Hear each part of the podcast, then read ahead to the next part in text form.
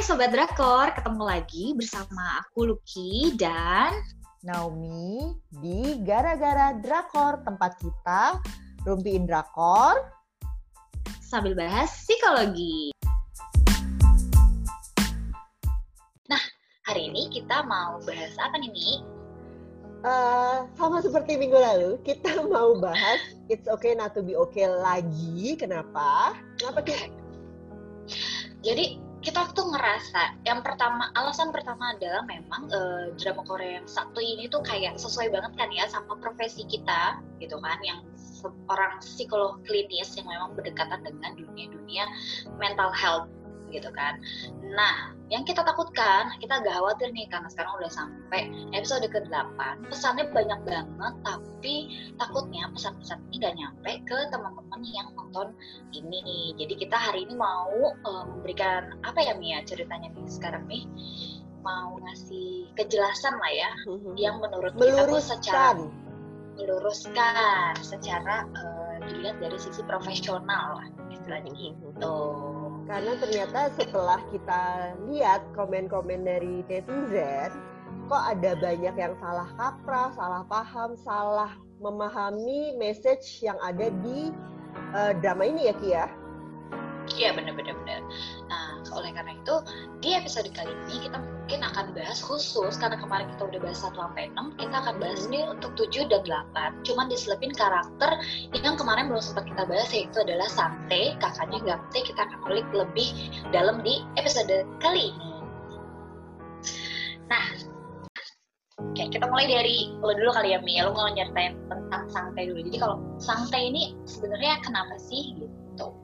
Oke, Sante ini kan dia uh, autis ya. Cuman kita nggak dikasih tahu sih hmm. autis spektrumnya kayak gimana. Cuman orang autis itu emang dari kecil tuh um, susah untuk uh, apa ya mengekspresikan emosinya. Dia nggak bisa baca emosi. Terus dia ada polanya yang harus diikutin. Jadi untuk adaptasi bukannya nggak mungkin, tapi butuh waktu yang lama karena dia untuk merubah kebiasaan yang merubah polanya itu buat dia tuh sangat mengganggu gitu. Kalau kita lihat Sangte ini cukup mandiri ya, dia bisa kerja. Iya, yeah, iya, yeah, iya. Yeah. Dia bisa naik bis sendiri. Cuma dia itu kalau misal pun dia bisa naik bis sendiri, dia tuh harus bis yang sama setiap hari harus itu itu aja. Nggak yeah. bisa misalnya ah hari ini gue mau naik angkot yang A, besok naik angkot B itu nggak bisa.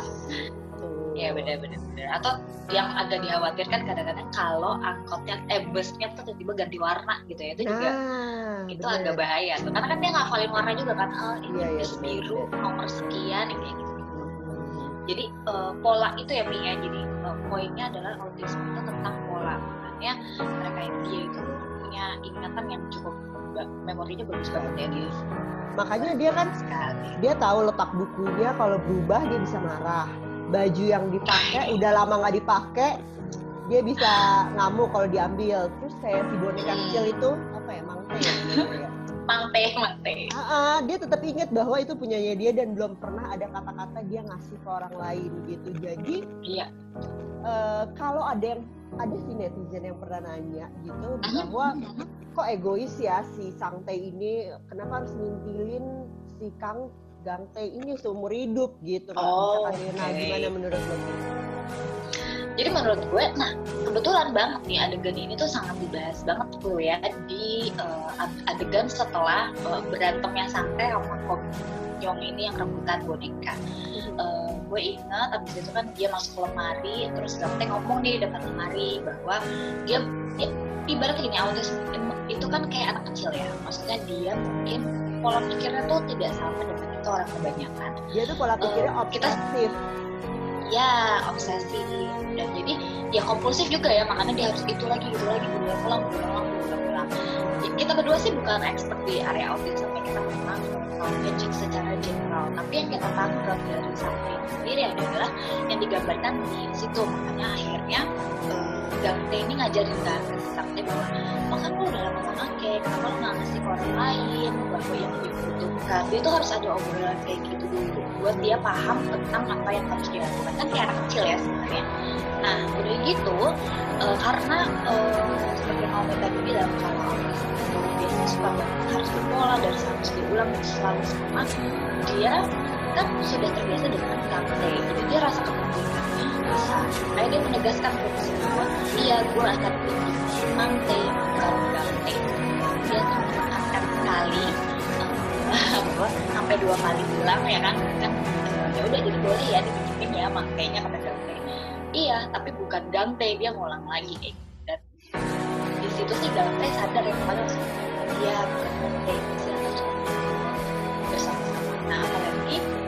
uh, autism itu kan juga susah bergaul. Gitu kan dulu dia merasa kalau misalnya uh, gue nggak kalau kan ada tuh kata-kata yang kalau nggak sama gue berikan gue terus gue punya apa dong?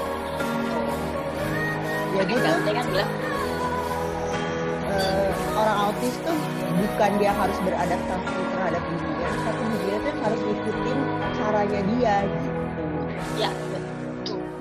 Sayangnya kayak dia memang kesulitan untuk beradaptasi itulah tugasnya orang-orang terdekatnya untuk membantu dia untuk beradaptasi kayak gitu. Jadi ya dia nggak bisa ada pola yang berubah terlalu cepat apalagi ditambah dengan mereka aja pindah kan setiap 10 bulan sekali. Itu kan udah perubahan yang lumayan signifikan buat dia. Gitu. ya, jadi kalau dia nanya ya kan? Jadi itu sebenarnya uh, ya makanya harus perlu ada yang membantu si uh, orang yang autis ya harus ada yang mendampingi hmm. gitu karena ya mungkin betul uh, dia bisa adaptasi tapi kan orang-orang baru orang-orang nggak nggak kenal dia mungkin nggak akan tahu gitu kan jadi bisa bully dia ya. bisa nggak ikutin maunya dia gitu makanya kenapa sebenarnya uh, si Gangte ya harus mendampingi si Sangte ya. Iya betul. Sebenarnya gue jadi ingat nih, sebenarnya ini kan di episode 1 oh, penulis Return ini udah ngegambarin banget soal penyakit itu dengan baik gue. Adegan pertamanya dibuka dengan Sangte yang ada di SMK kan waktu itu lagi belajar di sekolah kan. Hmm. Terus karena sesuatu hal ada yang megang dia uh, apa ada suara yang berisik gitu nggak masalah yang dia tidak terbiasa sehingga dia menjadi uh, tantrum kayak gitu. Nah takutnya itu itu yang terjadi kalau tidak ada pendamping atau tidak ada orang yang familiar sama dia ya dia akan sulit untuk mengontrol hal-hal yang dia nggak suka dan dia akan menjadi tantrum itu sih Iya benar. Jadi bukan si Sangtai egois, nggak mau ngasih Sangtai pacaran atau gimana ya? bukan. Benar-benar sebenarnya bisa aja ya pokoknya pas santai lagi kerja ya ganti pacarannya gitu loh jadi tidak merasa ditinggalkan ya. sih sebenarnya itu ya betul oke oke okay.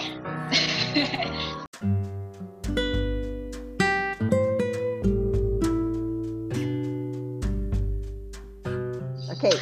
Oke. Sekarang yang kedua, kita mau bahas apa nih berarti ya? Di antara episode 7 sama 8 yang kemarin. Mm -hmm menurut lo nih ya apa sih yang adegan mana yang menurut lo wah ini keren banget pesannya tuh bagus banget gitu? Pesannya bagus banget. Gue sampai lupa lo saking banyak ya. Lo dulu iya, deh lo ya. dulu deh. Gue juga sebenarnya merasa kayak lo tuh kan uh, gak ada sih gue drama Korea yang segitunya begitu gue pengen posting spoiler ya ceritanya gue sesungguhnya tuh nggak bisa milih uh, aduh gue mau ambil adegan yang mana ya? Karena menurut gue setiap adegan di dalam uh, drama itu tuh bermakna banget gitu. Apalagi di yang episode 7 tuh sebenarnya eh 7 apa 8 bisa yang lebih banyak ke 7 kalau nggak salah sih dia lebih banyak dibandingkan yang 8 karena kan 7 alurnya cepet ya.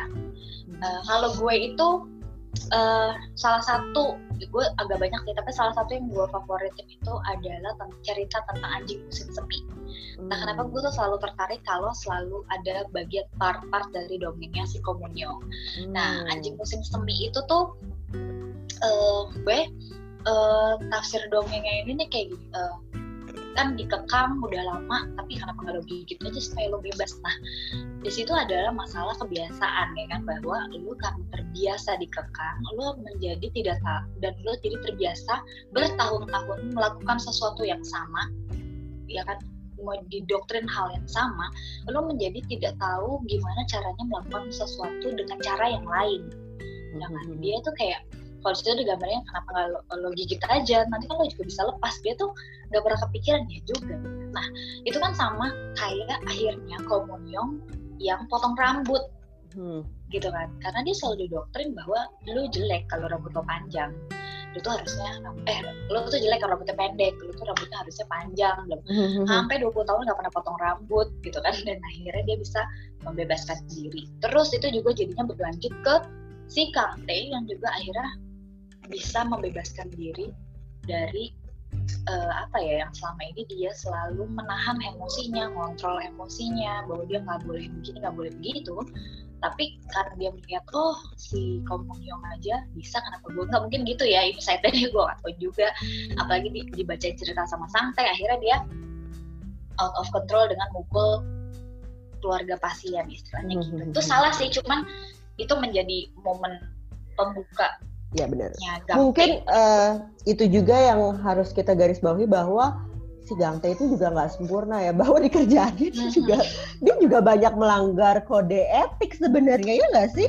Yes, banget banget banget banget banget. Itu bahwa secara kayak, kode etik ya.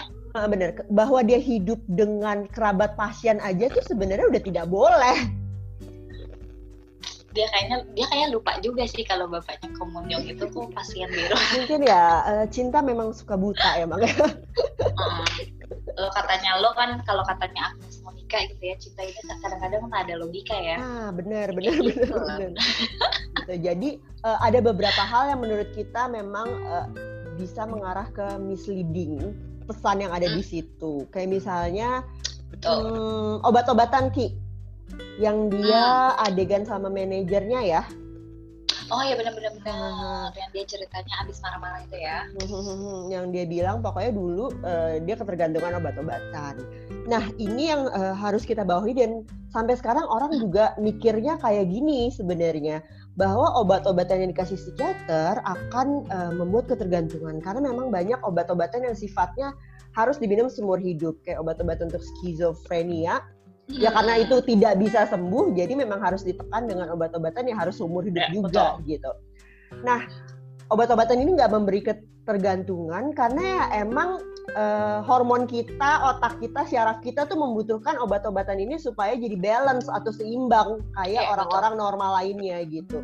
Justru dia mengisi kekosongan yang nggak ada di diri kita jadi dia nggak akan membuat ketergantungan. Justru yang bikin ketergantungan yang gimana ki Nah, kalau yang bikin ketergantungan nih kayak gini, uh, kan banyak tuh ya, ya karena ini area area gue kalau gue kan psikolognya memang psikolog adiksi ya, jadi uh, banyak nih karena memang yang digunakan oleh para pecandu-pecandu di luar sana kayak mereka meminum Xanax ya kan sebagai antidepresan hmm. terus ada obat-obat pokoknya obat-obat psikotik lainnya yang mereka minum untuk menekan rasa stres yang berlebihan seperti itu. Nah itulah yang akhirnya membuat mereka menjadi uh, kecanduan. Kenapa? Pertama kemungkinan besar penyakitnya nggak ada dong ya kan? Jadi kan lo meminum sesuatu yang nggak cocok buat uh, saraf-saraf lo. Saraf-saraf lo nggak kenapa-napa.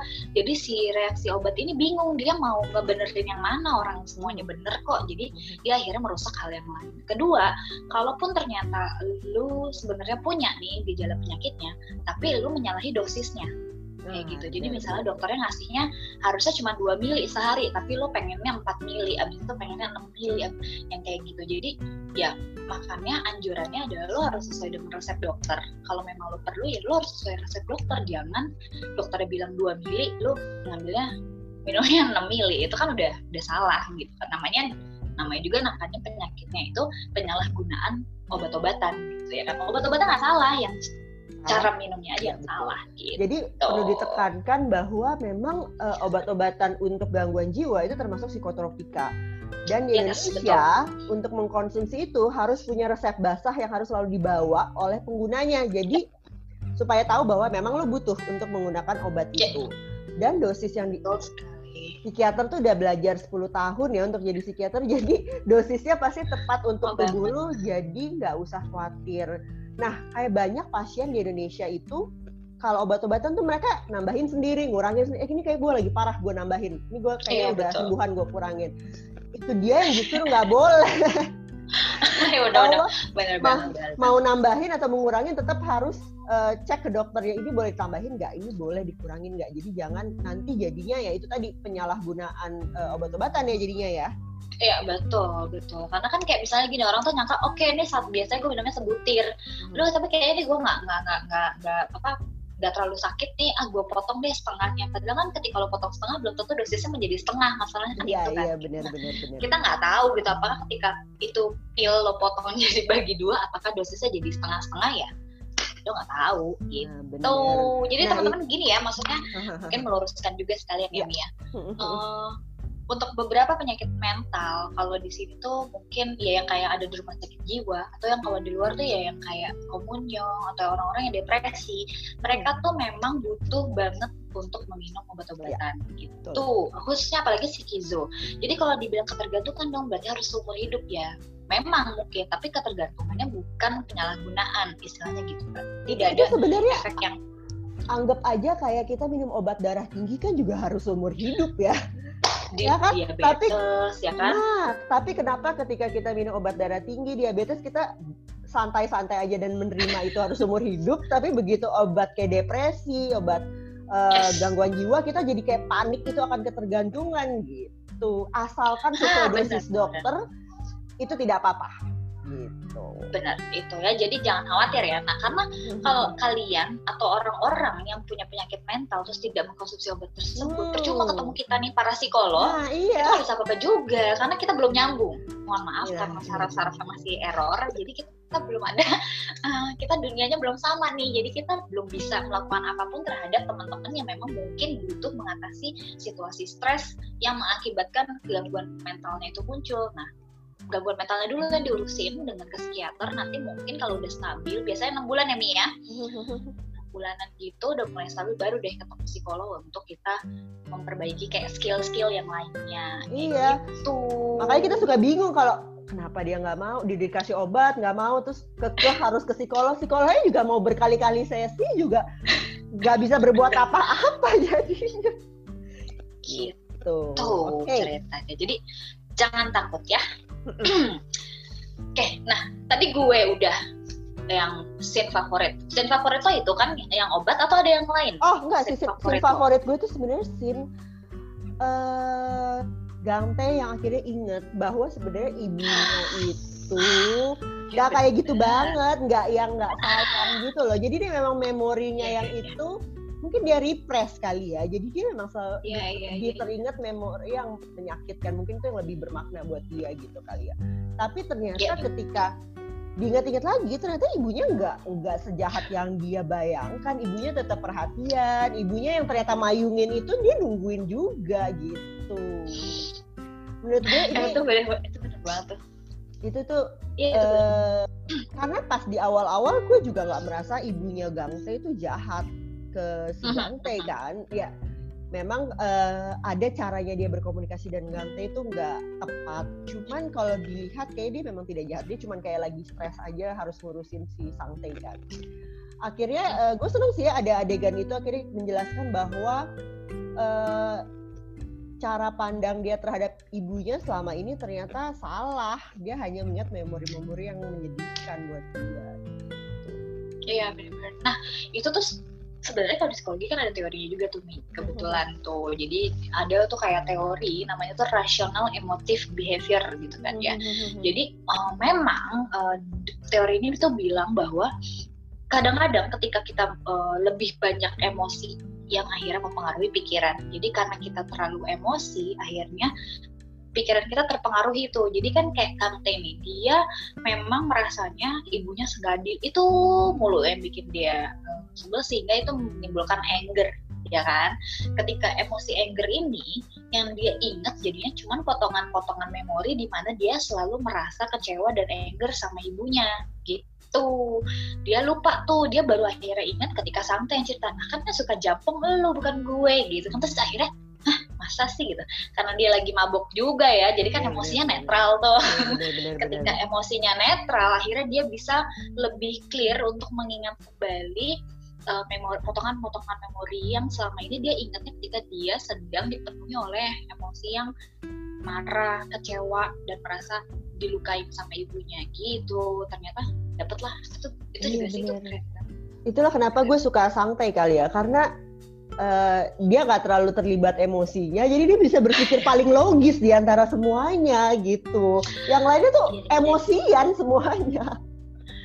Iya benar-benar. Eh tapi kalau Komunyong itu sebenarnya mungkin bukan emosian ya, dia terlalu manipulatif gitu ya. Manipulatif, ignorant, pokoknya intinya fokusnya hanyalah dirinya sendiri, nggak peduli orang lain gitu. Jadinya sekali lagi ya kita bahas dulu uh, bahwa gangguan Jadi kepribadian kita dia. akan bahas Nah, kita akan bahas, berarti next nih kita akan bahas tentang si Komunyong lebih detail lagi daripada episode yang di podcast kita sebelumnya ya. Gimana? Coba, Ibu Jadi Naomi, gimana uh, ingat bahwa dia punya karena ada yang uh, eh, DM ke gue uh, bilangnya skizofrenia gitu dan kita belum hmm. nemuin indikasi skizo ada sih sepotong-potong tapi kan kita juga ya, ya, nggak yeah, yeah, yeah. bisa uh, mele diagnosa skizofrenia dari sepotong-sepotong. Tapi yang jelas ya, betul. di awal episode dia dibilang adalah gangguan kepribadian uh, antisosial. Nah ini penting banget bahwa ini tuh pesan yang penting banget gangguan kepribadian antisosial karena ini akan uh, menuntun jalan ceritanya ke mana. Uh, si gangguan antisosial ini dia itu manipulatif, terus udah gitu nggak punya emosi, nggak punya hati nurani, conscience dia nggak peduli resiko, dia sering melanggar aturan, uh, sering kriminalitas juga, kayak dia misalnya nyuri. Nyuri apa tuh? Nyuri pulpen ya kemarin ya? ya? Dia mutil lah, dia kan mutil, kan dia tukang mutil lah ini. Nah, sempat ada yang nanya apakah uh, antisosial itu ciri-cirinya mutil. Uh, bukannya dia mutil, tapi memang karena dia nggak tahu benar dan salah, akhirnya dia melanggar apa pun aturannya. Terus udah gitu yang perlu digarisbawahi juga antisosial ini nggak bisa sembuh. Karena dia gangguan kepribadian. Gangguan kepribadian apa pun itu tidak bisa sembuh. Karena dia ada dari lahir. Ya. Gitu. Nah jadi apakah dia bisa membaik? Bisa. Tapi sembuh nggak sama kayak skizofrenia gitu ya Ki ya ada yang mau ditambahin nggak? Iya betul betul.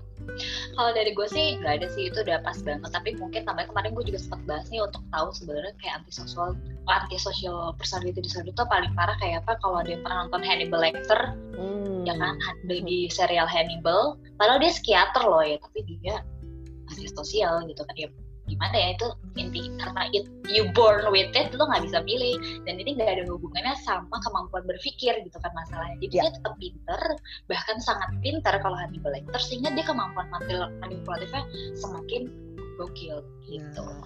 Yang kedua adalah Joker yang sebenarnya um, uh, ini ada dua ya dua versi ya versinya Heath Ledger sama versinya kemarin Joaquin Phoenix. Kalau di hmm. versinya Joaquin Phoenix dia sebenarnya nggak terlalu pinter-pinter amat ya kan. Ya. Tapi kan kalau versinya Heath Ledger digambarkan dia cukup pinter ya dengan ucapan-ucapannya sangat filosofis. Ya tapi poinnya adalah kriminal gitu kan. Tiga-tiga orang ini sama-sama kriminal dengan tingkat yang beda-beda. Ya masih. Termasuk Komunyong. Ya, Iya, maksudnya tiga-tiga ini kan oh, iya, iya, iya. Joker sama Hannibal Lecter oh, iya, kriminal, cuma tingkat kriminalnya aja Komunyo mungkin paling cetek lah, cuma mutil-mutil. Kebetulan uh, eh, Komunyo juga punya uang ya, jadi bisa uh, menyuap menutup mulut Betul, orang supaya nggak ada yang tahu. Gitu. Ya buktinya nah. kan dia bisa dengan mudahnya ngedorong orang dari tangga, nah. itu bukan kriminal apa coba? Sebenarnya bisa bisa mati sebenarnya dia dan dia nggak peduli tuh orang mati apa enggak gitu. Ya, Terus dari yang awal pertamanya sama ya, Gangteng, nah yang dia mau dia bunuh. emang sudah berniat mau bunuh itu. Emang untung gagal aja. untung ada Gangteng aja jadi nggak jadi. Nah, itu kalau nggak ada Gangteng udah mati tuh orang. Nah, gitu. Nah, iya benar.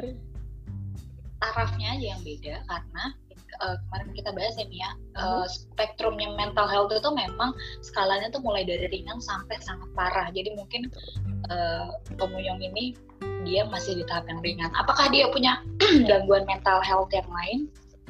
Ya, kita belum lihat ya. Walaupun kemarin CEO-nya bilang, apakah kamu mulai berhalusinasi gitu kan? Ya, kita nggak tahu juga itu beneran halusinasi atau enggak. Ya itu dia karena pesannya sepotong-potong kita nggak bisa langsung diagnosa oh iya bener kayak gitu. Hmm. Terus uh, ya itu tadi spektrumnya si uh, Munyang itu mungkin masih agak ringan ya karena kan dia lingkungannya juga suportif ke dia, nurutin maunya dia, plus dia tajir ya. Jadi maksudnya dia tidak terhimpit apa pun.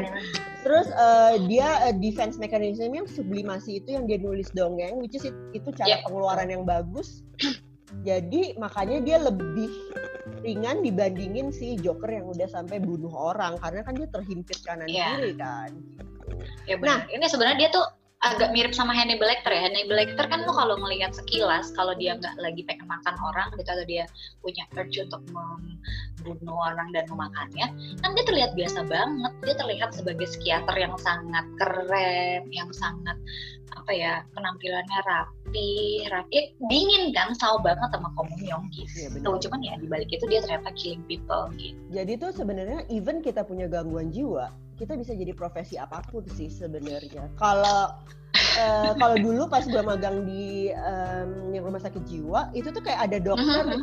ada dokter yang skizofrenia, ada um, ada apa pengacara yang bipolar. Jadi sebenarnya asal minum obat dan terapi mereka akan bisa yes. berperilaku normal gitu. Jadi bukan yeah, berarti gitu. Saya di apa yang di jalanan-jalanan nggak selalu kayak gitu sih.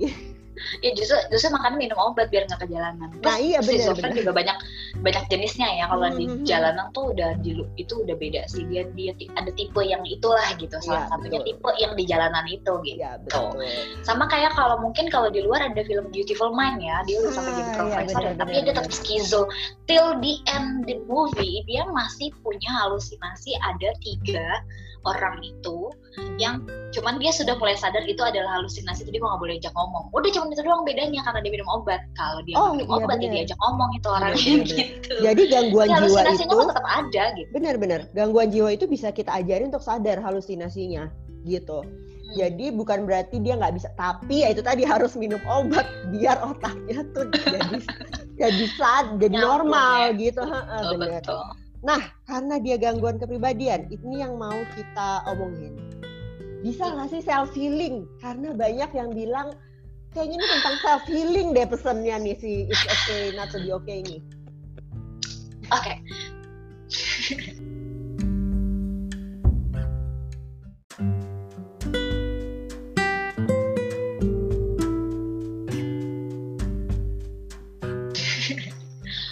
Berarti kita bahas apakah bisa self healing kalau misalnya uh, para tokoh nggak usah satu deh kita coba para tokoh semua yang ada di It's Okay Not to Be Okay saat ini kalau menurut lo gimana Mi? Ada yang bisa ada yang enggak. Oke, okay, yang bisa siapa? Yang paling bisa menurut gue adalah Gang Tae. Karena pertama hmm. traumanya dia tidak terlalu besar uh, dia masih bisa uh, berfungsi secara normal dan mulai ke sini dia kan inget memori-memorinya gitu. Yeah, Kalau dia dulu kehilangan cinta, tapi kayak sekarang dia kayak bisa dapet cinta entah dari si Moon Young, entah dari keluarganya si Juri gitu. Jadi mengisi mm. kekurangannya dia. Jadi dia yang paling mungkin bisa self healing. Tapi akan lebih baik tetap yeah, yeah, yeah. terapi sih. Yeah. tapi dia yang paling bisa yeah. self healing. Nah, yang lainnya gimana Ki? Uh, kalau komunyong dulu ya yang kayaknya diharapkan oleh semua orang karena jatuh cinta hmm. sama Kang T dia akan menjadi uh, sembuh karena dia bisa self healing. Ini hmm. bukannya uh, sok tahu atau gimana, tapi kita berani, berdua berani menjamin karena ini memang profesi kita ya Mia bahwa nggak uh, mungkin gitu. Dan ini berdasarkan penelitian literasi. Yes, betul. Ini ya ini udah berdasarkan penelitian beratus beratus nggak sih berpuluh-puluh tahun begitu banyak literatur, begitu banyak buku yang mengatakan bahwa nggak mungkin itu adalah sesuatu yang lo lahir dengan itu. Tapi ya tadi Naomi bilang, bisa kan membaik ya bisa aja. Jadi kayak misalnya gini, ini sudah diawali ya, sudah diawali oleh uh, Komunyong bahwa dia akhirnya mau terbebas dari ikatan doktrin ibunya. Hmm. Itu aja itu hmm. it's a good start. Dia sudah tahu dia mulai mau merasakan emosi ya kan hmm, dia uh, walaupun dia nggak tahu sih itu emosi apa tapi pokoknya gue pengen aja yang tadi cuma pengen gue pengen memiliki gante tapi sekarang dia udah mulai mengenali itu emosi apa gitu kan ya hmm. nah itu sih good start banget tapi good start untuk apa untuk konseling untuk melakukan terapi supaya akhirnya lo bisa menjadi lebih baik karena uh, kalau menurut gue nih uh, titik berat untuk khususnya untuk gangguan kepribadian adalah ketika lo mau mengakui bahwa lo memiliki gangguan, lo baru bisa diobati. Ya betul. Kalau enggak ya mau lo konseling 100 kali gitu kalau lo tetap nggak mau mengakui bahwa lo memiliki gangguan nggak akan ke mana-mana konselingnya betul nggak ibu betul Naomi? jadi uh, harapan bahwa uh, Munyong itu akan berubah misalnya one day dia akan jadi baik jadi penuh kasih sayang dan lemah lembut itu tuh satu persen atau hampir nggak mungkin ya sebenarnya ya. ya, ya, ya Apalagi dia tidak mungkin minum obat. Sama sekarang dia tidak ah, minum obat, ya. tidak terapi, jadi mungkin dia akan lebih menyadari bahwa oh ada sesuatu ini yang salah sama diri gue karena akhirnya hmm. dia menerima cintanya si Gang Tae. Mungkin dia jadi dapat insight bahwa oh kayaknya gue yang salah gitu. Itu membawa harusnya itu membawa dia hubungan itu membawa dia oh gue mau berubah jadi lebih baik dengan terapi harusnya. harusnya. Kenapa kita bilang itu? Karena ini di dua drama yang lain ya. Ini ada dua drama hmm. yang hmm. kebetulan mirip kisahnya ya Mia. Ya, betul. Yang pertama adalah Fix You jadi sebelum ini sebenarnya ada tema psikiater yang lebih lebih berat sih sebenarnya karena nggak ada nggak ada keren kerennya gitu maksudnya yang main semua pemain yang keren cuma satu iya, cuman ini cuman ini beneran the true uh, ngomongin soal mental health awareness banget karena itu bagus cukup bagus penggambarannya itu juga penyakit pemeran utamanya adalah gangguan kepribadian cuman dia borderline kita biasanya bilang uh, gangguan kepribadian ambang gitu kan yang kedua adalah yang kemarin baru tamat ya Mia si dinner mate Oh, Jung Jae Hyuk ya yang kan? dia adalah apa ya kemarin dia penyakitnya ya? dia juga ya? itu kan borderline. Oh dia borderline, dia, borderline. Dia borderline Dia banyak sih, dia borderline tapi dia juga depresif iya, gitu. benar, kan. Nah, yang kesamaan dari dua drama ini adalah mereka terapi gitu. Jadinya mereka berubah lebih baik gitu. Betul. Jadi karena apa? Karena cinta sih memang. Memang karena ya, cinta. Situ, mereka akhirnya dapat insight ya. sih bahwa kayak oh kayaknya ada sesuatu yang salah gue harus mau menerima terapi which is itu benar pesannya gitu nah yes. kita masih deg-degan sih di it's okay not to be okay ini apakah pesannya kayak gitu nggak ya secara masih 16 eh masih 8 episode iya, lagi ya kan? dan masih sejauh 8 sejauh 8 episode ini orang-orang nangkapnya adalah tentang self healing. Jadi kita sebagai orang yang berkecimpung di dunia mental health, kita tuh jadi ketar-ketir deg-degan banget gitu. Iya, iya, iya. Nah sebelum kita mulai podcast ini juga hari ini tuh kita bertanya-tanya nih sebenarnya ini uh, kalau kita berdua yang nonton sih kita tidak terlalu menangkap ada kesan yang salah hmm. gitu ya. Tapi kita juga mempertanyakan kenapa yang ditangkap oleh teman-teman sobat drakor nih uh, yang hmm. nonton di luar sana adalah kalau gara-gara drakor yang satu ini tuh orang uh, nangkepnya bahwa oh berarti kalau lo punya traumatik gitu lo akan bisa self healing ya kan kayak gitu ya Mia ya which is itu ternyata salah. Ya, kalau cuma traumatik aja sebenarnya tuh akan lebih mudah, lebih cepat kalau lu konseling. Jangan ya. apalagi yang separah komunion. Iya benar. Plus um, kita tuh nggak bisa terlalu naif bahwa cinta-cintaan tuh bisa mengatasi semuanya sih ya.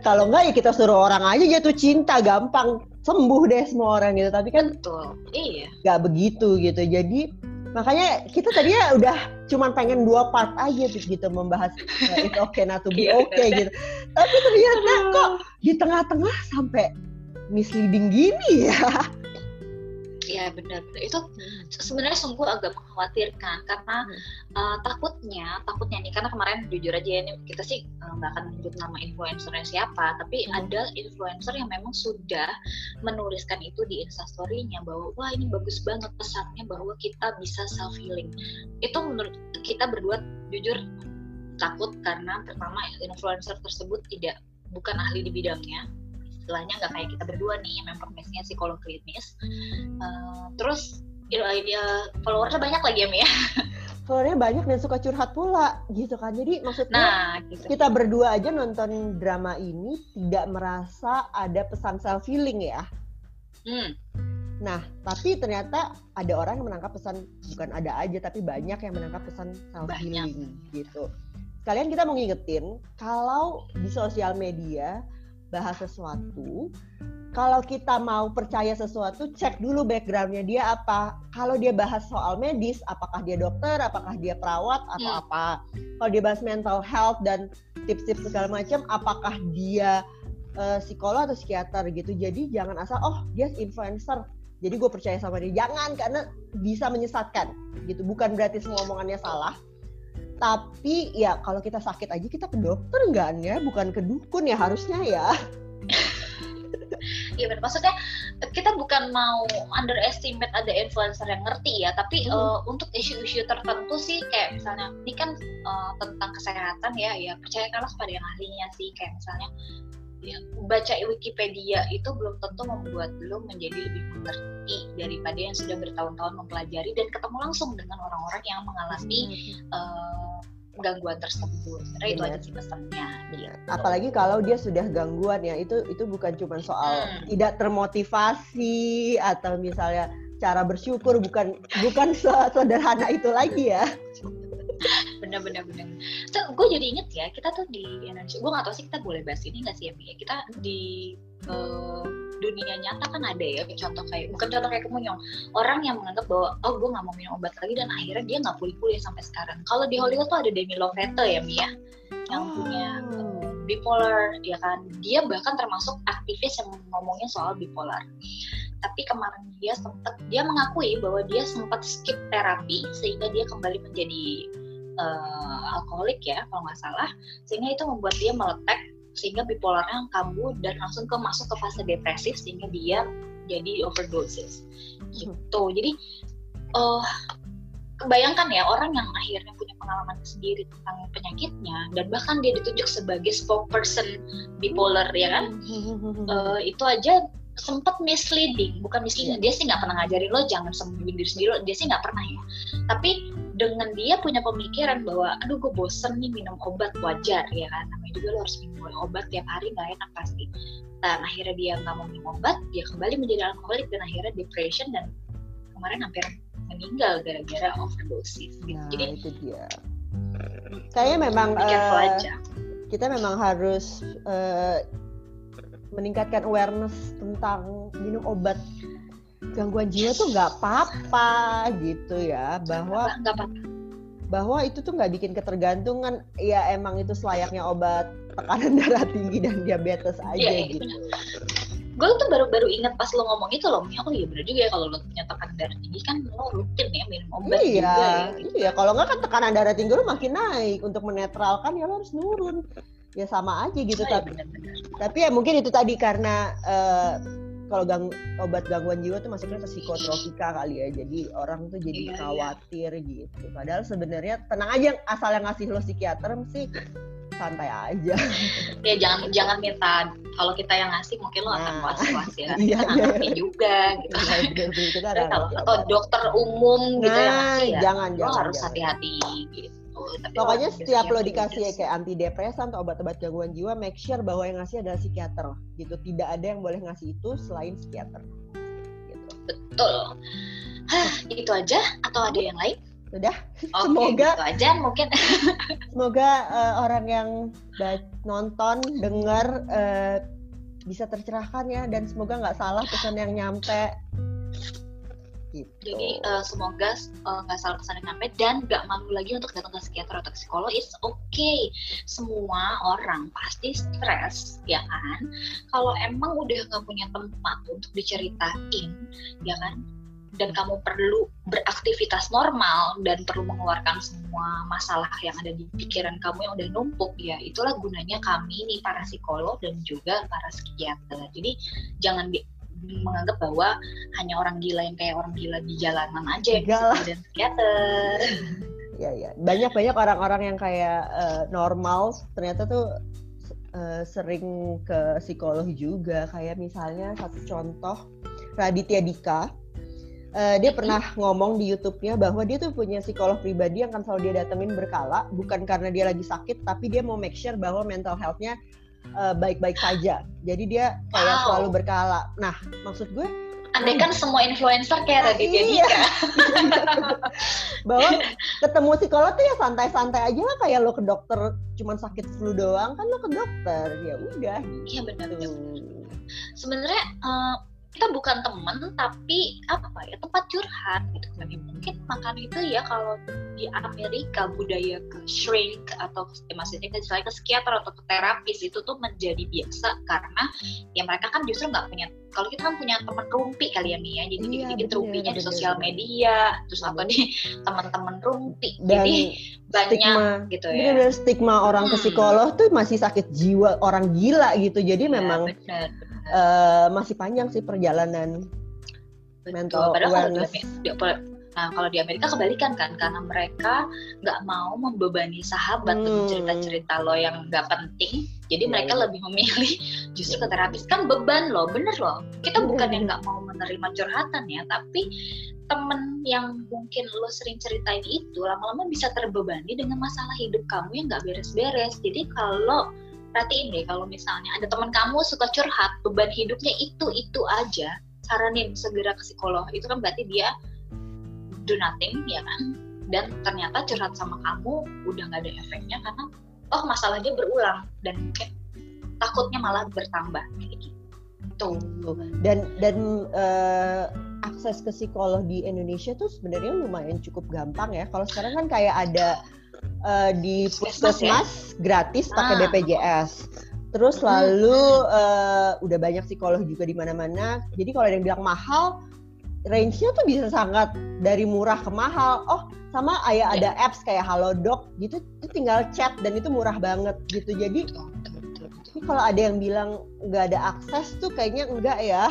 Harusnya sih ya kecuali mungkin tinggalnya di ujung mana gitu kita nggak tahu juga sih ya Ah, tapi bener-bener. kalau lo masih di kota besar sih apalagi kalau lo, lo masih ini. punya handphone dan signal tuh masih ada Ah. aplikasi jadi harusnya Eh, bisa kontak ke psikolog gitu. Tapi memang eh, banyak yang masih takut kayaknya ya. Iya ma- eh, malu ketahuan kalau eh, pergi ke psikolog. Padahal itu untuk healthy your healthiness sih sebenarnya nggak apa-apa ya. Ya oke. gitu aja. Ya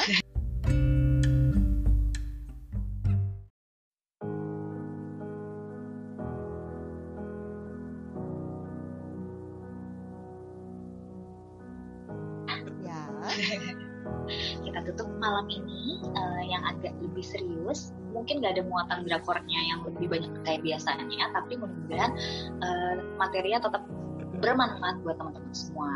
Gitu. Kalau misalnya mau curhat-curhat eh curhat-curhat mah nggak ya maksudnya misalnya ada ide untuk eh, ngasih tahu drama Korea yang mau kita bahas ke mana mi? Kita ke IGTV kita masing-masing di @naumitobing sama at mana Ki? Duki underscore Pramistasari Ya, gitu. Betul. Oke. Kita ketemu Oke, minggu gitu depan. aja. Nanti kasih ide eh, kita mau bahas apa. Tapi kalau misalnya it's okay not to be okay masih seru kita bisa bahas lagi sih. Betul, walaupun sebenarnya ada drama-drama memang lagi banyak banget justru eh, nanti kita tinggal pilih yang Ya, bermanfaat untuk dibahas lagi. Gitu. Oke deh. Itu aja. Sampai Sampai ketemu ketemu. Dah. Dah. 이렇게 다시 너를 만